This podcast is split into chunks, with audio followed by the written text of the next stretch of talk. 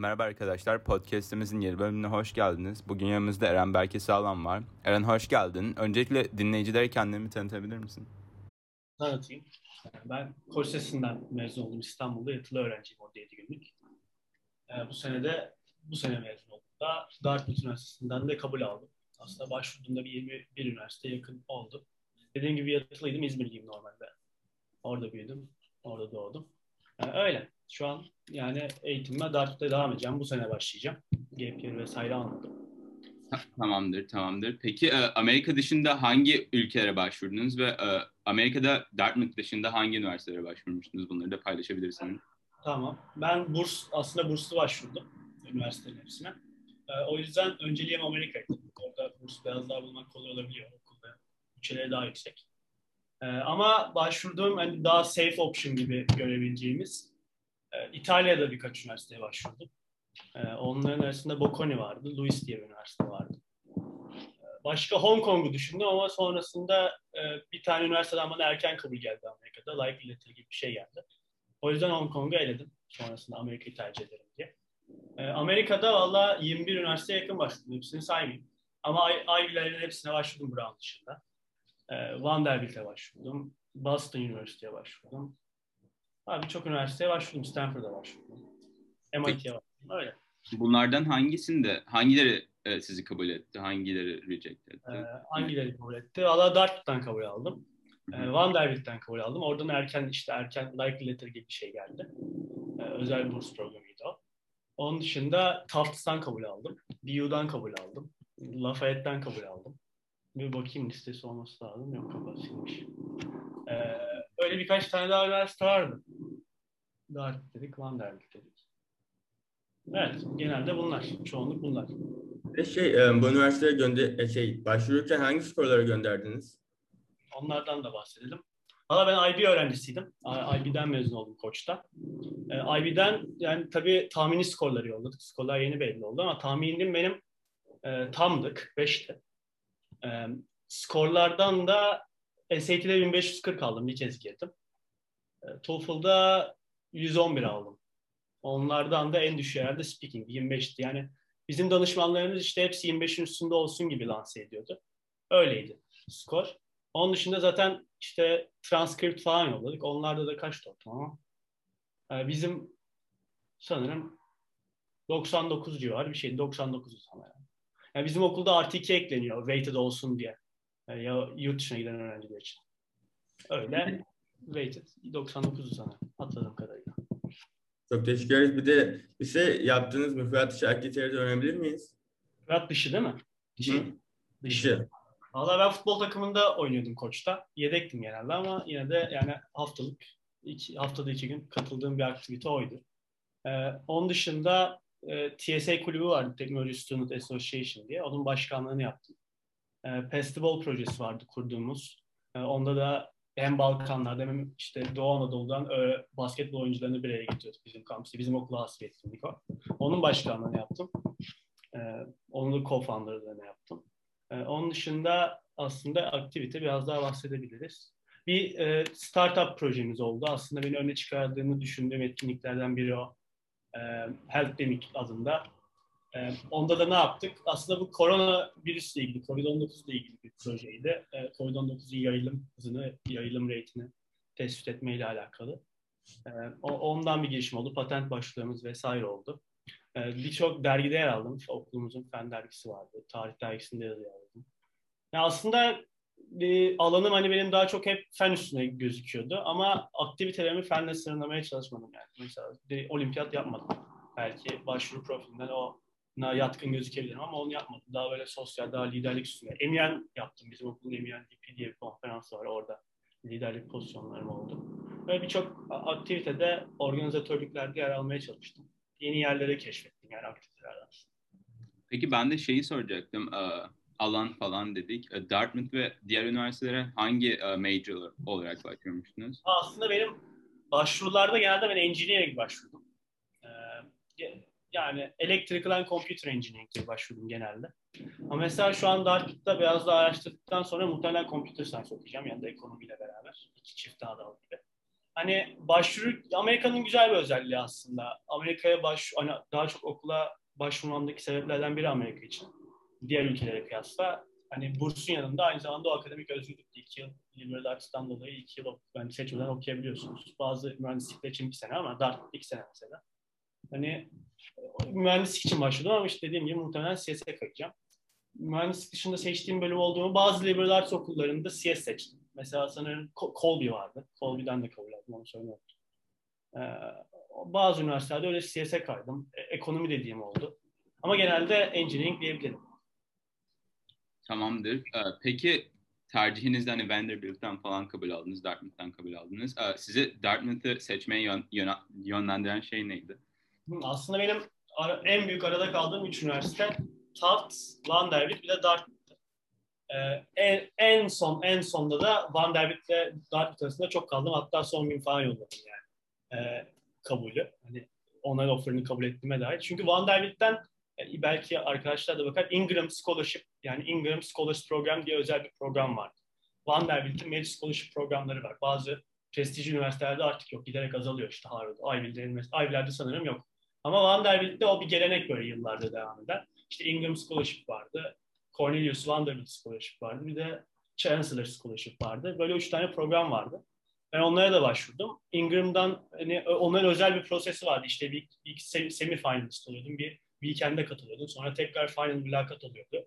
Oradan işte mesela üniversitenin rektörüyle görüşme yapıyordun. O Ingram bir aile. Ingram ailesi var orada. Zengin bir aile. Onlar veriyor zaten bursu. Oradaki ailelerin işte üyeleriyle bir mülakat vardı. Mesela böyle farklı prosedürler vardı. Onlardan geçtim. O scholarship'e kabul aldım. Ee, hani hem o scholarship'in işte aslında Vanderbilt daha büyük bir üniversite Dartmouth'tan. Ee, ama o küçük scholarship community'de var olarak aslında küçük bir üniversite ortamı da sağlayabiliyordu Vanderbilt bana. Arada kalmamın sebebi oydu. Ben o küçük üniversite ortamını merak ediyordum. Yani daha samimi olsun, daha yakın olabileyim profesörlerimle istiyordum, arkadaşlarımla istiyordum. O yüzden Vanderbilt'le çok arasında kaldım. En son Dartmouth seçmemin sebebi ise aslında daha akademik olarak özgür olması oldu. Bir de iki üniversiteyi karşılaştırdığımızda bence Dartmouth biraz daha girişim odaklı Vanderbilt'e göre. Vanderbilt'in hele o Ingram Scholarship programına baktığımızda o biraz daha community service odaklı bir programdı. Yani community service requirement'ları vardı e, haftalık tamamlanması gereken. E, ben ama biraz daha hani en azından ekonomik olarak da girişimlerde bulunabileyim hani community service'le kendimi sadece sınırlamayayım. Tabii o da çok güzel bir şey ama farklı yerlere de deneyebileyim. Her şeye zamanım olabilsin istedim. Biraz daha hani özgürlük aradım açıkçası. Burslar yakındı. Vanderbilt'inki birazcık daha iyiydi. Ee, ama onu da dışarıdan burslarla tamamlamaya çalıştım. İşte birkaç iş adamıyla görüştüm. Tanıdıklardan bağlantı kurmaya çalıştım. Öyle tamamlayabildim o küçük açı. Ee, en sonunda o yüzden Dart'ı seçtim. Daha çok akademik özgürlük sebebiyle diyebilirim. O sebebiyle. Siz Amerika'ya başvuracak 9 ve 10. sınıfı yani daha genç olan öğrenciler için ne baş yani ne tavsiye verirsiniz? Ne tavsiye veririm? Valla biz bizim okulda dediğim gibi IB programı sunulduğu için ben IB yaptım. Ama artık yani IB mesela okulunuzda IB yoksa, AP yoksa MEP diplomasıyla hani aslında insanlarda bir ön yargı oluyor. IB yoksa, AP yoksa yurt dışına başvuramam. Halbuki çok öyle bir şey yok artık. Mesela bu, bu sene belki siz de duymuşsunuzdur. Belki podcastlerde de ağırlamışsınızdır. Diyarbakır'dan mesela iki Harvard kabulü çıkmıştı. Yani okullarında benim bildiğim kadarıyla IB, AP yok ama onlar da MEP diplomasını tamamlayıp başvurularını yaptı ve kabul aldı yani artık aslında okullar da farklı şeyler arıyor. Hani tabii AP ve IB zor programlar. Belli bir kalitenin üstünde olduğunu gösteriyor öğrencinin. Çünkü standartize edilmiş program uluslararası olarak. Ama hani artık bir gereklilik gibi görülmüyor. Hani olursa güzel ama olmazsa da okulunda önerilmiyorsa zaten okulunda sunulmuyorsa yapabileceğim bir şey yok yani. Kendi imkanlarıyla ne kadar bakıyorlar. O yüzden hani IB, yoksa e, yani umutsuzluğa kapılmamalarını öneririm 9-10 sınıftaki öğrencilerin. Onsuz da yapabilirler. E, onun dışında SAT'yi valla 10. sınıfta halletmelerini öneririm. Bizim korona zamanında da çok zor oldu. SAT aslında şu an optional zaten. Şu an onsuz da başvurabilirler. Ama eğer ilerleyen senede tekrardan required olursa SAT gerekli oluyor genelde. Hani erkenden çalışmalarını öneririm. Eğer gerekli olan senelere denk gelirse. Onun dışında valla benim etkinliklerimde önemsediğim bir şey, şimdi dediğim gibi çalışmaya ya da işte profesyonel olarak pursue etmeyi düşündüğünüz alanda olmak zorunda değil etkinlikleriniz. Ben dedim işte MUN yaptım, işte bir startup denedim, işte vesaire vesaire şeyler anlattım. Ama mesela hepsi CS'de uyuşmuyor yani. Birkaçı uyuşuyor, birkaçı uyuşmuyor. Hepsinin CS'de olmasına gerek yok. Gerçekten sevdiğiniz alanı yapmanızı öneririm etkinliklerde. Sadece şeye dikkat edebilirler. Hani şimdi eseyler yazıyorsunuz sonuçta okullara ve kendinizi anlatmaya, kendinizi olabildiği kadar lanse etmeye, nasıl olduğunuzu göstermeye çalışıyorsunuz. Hem kişilik olarak hem başarı olarak hem geçmişinizle alakalı. Ee, hani eseyde mesela bir şeyi sev, sevdim diyorsanız şunu şunu şunundan dolayı sevdim. Şunu işte şuna değer veriyorum mesela. Bir şey yapmaya değer veriyorum.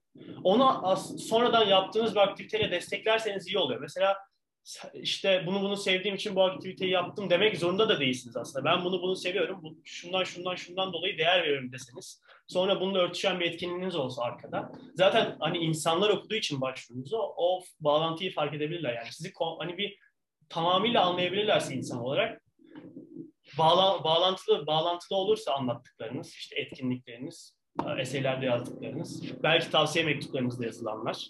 Bunlar hep bağlantılı olunca aslında daha güvenilir oluyorsunuz. Daha belki karşıda okuyan admission officer diyor ki çocuk gerçekten bu alana bağlı. Çünkü hem öğretmeni söylemiş hem aktivitesinde yansıtıyor hem de gerçekten kendini bu şekilde güzel anlatabiliyor eserlerinde. Bu alanla alakalı, bu uzmanlıkta anlatabiliyorlar belki. Hani o bağlantılık, o tutarlılık diyeyim bence önemli ki erkenden başlayabilirler yani buna. Ee, bunu söyleyebilirim. Öyle. Yani üniversitelerin aradığı aslında bir profil gibi diyorsunuz. Evet. Şey de demek de yanlış oluyor. Mesela bir mühendislik profili var. Şunu şunu şunu yapacaksınız. Şunu şunu yapacaksınız demem. Mesela benim koçtan Dartmouth'a giden bir arkadaşım var. O daha undecided gibi ve hani ne okumak istediğini tam olarak hala bilmiyor. Ekonomi düşünüyor ama hala tam olarak bilmiyor. Hani set bir profili yoktu yani. Mesela öğrenci birliğindeydi. Birkaç aktivitede bulundu. Ama kendi iyi anlatabildikten sonra, neden undecided olduğunu anlatabildikten sonra hani diyor ki ben her şeyi denemek istiyorum. Mesela onu güzelce eseyde anlatabildikten sonra e, set bir profil olmasına gerek yok. İşte bir mühendislik profili, bir ekonomi profili spesifik olarak bence yok. Yani tabii e, nasıl diyeyim daha kolaylaştırabilecek işini bir şeyler olabilir. Mesela bir mühendislik düşünen bir insan mühendislik yarışmalarına katılsa belki üniversiteye etkileme şansı atabilir. Uluslararası bir derece elde etse. Ama hani zorunlu değil. Tabii kolaylaştırır. Benim vurgulamaya çalıştığım şey bir şeyi yaparken aslında onu başka alanlardan destekleyebiliyorsan, mesela öğretmenin de aynı şeyden bahsettiyse senin güvenilirliğini, senin kredibilitini arttırır yani. E, tutarlılık, o e, bağlantılık, nasıl diyeyim, yani o tutarlılık, o e, kompaktlığın olması diyeyim bence üniversiteleri etkileyebiliyor. Bir de şöyle sorular geliyor bize. Amerika'da hani bursu en çok e, sağlayan ülke Amerika. Bunu herkes biliyor dinleyenler vesaire. Ama Amerika'da e, uluslararası öğrenciler için need e, sanırım. Aynen need blind olan çok az okul var. Çoğu okul need'e veriliyor. O yüzden burada da burs almak hani uluslararası öğrenci olarak zor gibi bir algı var. Bunun hakkında siz ne demek istersiniz? Çünkü hani Dartmouth, Vanderbilt ve Tufts kabul aldığınız okulların hepsi need'e verir. Şöyle diyeyim. Zaten Need Blind baktığımızda topu topu 5 üniversite var sanırım. Amherst var, işte Harvard, Yale, Princeton, MIT. Bunlar. Ee, hani bu üniversiteler zaten hala hazırda çok prestijli üniversiteler. Yani kabul alması çok zor üniversiteler. %3, %4 kabul oranlarından bahsediyoruz. Özellikle korona COVID senesi için. Yani bu okullardan kabul almak zaten zor. O yüzden e, ya üniversitelerde bütçeye baktığında diyorsa ki bu öğrenci işte başvuran öğrenci zaten benim okuluma girmeyi kabul ediyorsa benim okuluma girmeyi hak ediyorsa ben bu bursu da verebilirim. O finansal güce sahibim diyor üniversite mesela. Ee, o yüzden hani, hani need blind konsepte Türkiye'deki öğrenciler için, uluslararası öğrenciler için appealing geliyor ama aslında baktığımızda bu üniversiteye girmek zaten zor olduğu için çok bir şey değiştirmiyor. Yani üniversiteye giriyorsan burs alıyorsun evet ama girmesi zaten başlı başına bir problem. Ee, o yüzden hani evet Nideverilerde girmesi biraz daha zor. Daha zor daha zor yaşıyorsun. Çünkü US citizen'lar genellikle need blind oluyor ama yabancılar Nideveril oluyor sadece biraz daha adaletsiz bir yarış oluyor. Ee, ama yani benim kabul aldığım bütün okullar sanırım hepsini de verdi yani. Ben İdline'dan hiçbirinden kabul alamadım. O, yüzden hani onu bir limit olarak görmesinler kendilerine. Sadece Need Blind'lara başvuran değil. Need de gerçekten Bursa'yı etkiledikten sonra üniversiteleri. Ee, o algı hani evet Need Blind'lara Need Blind'dan kabul alınca gerçekten harbiden genellikle bursun geliyor. Ama Need de olabiliyor. Yani bu çok şey değil bence. Çok bir limit değil öğrenciler için. Hepsine başvurmalarını öneririm.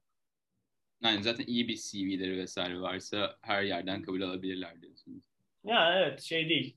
Stanford'dan iyi de ve ben bu sene tam burslu kabul alan insanlar biliyorum yani Stanford'dan. Harvard'la neredeyse aynı sayıda mesela Türkiye'de. Hı hı hı. Tamamdır. Bu da son soruydu. Eklemek istediğiniz bir şey var mı?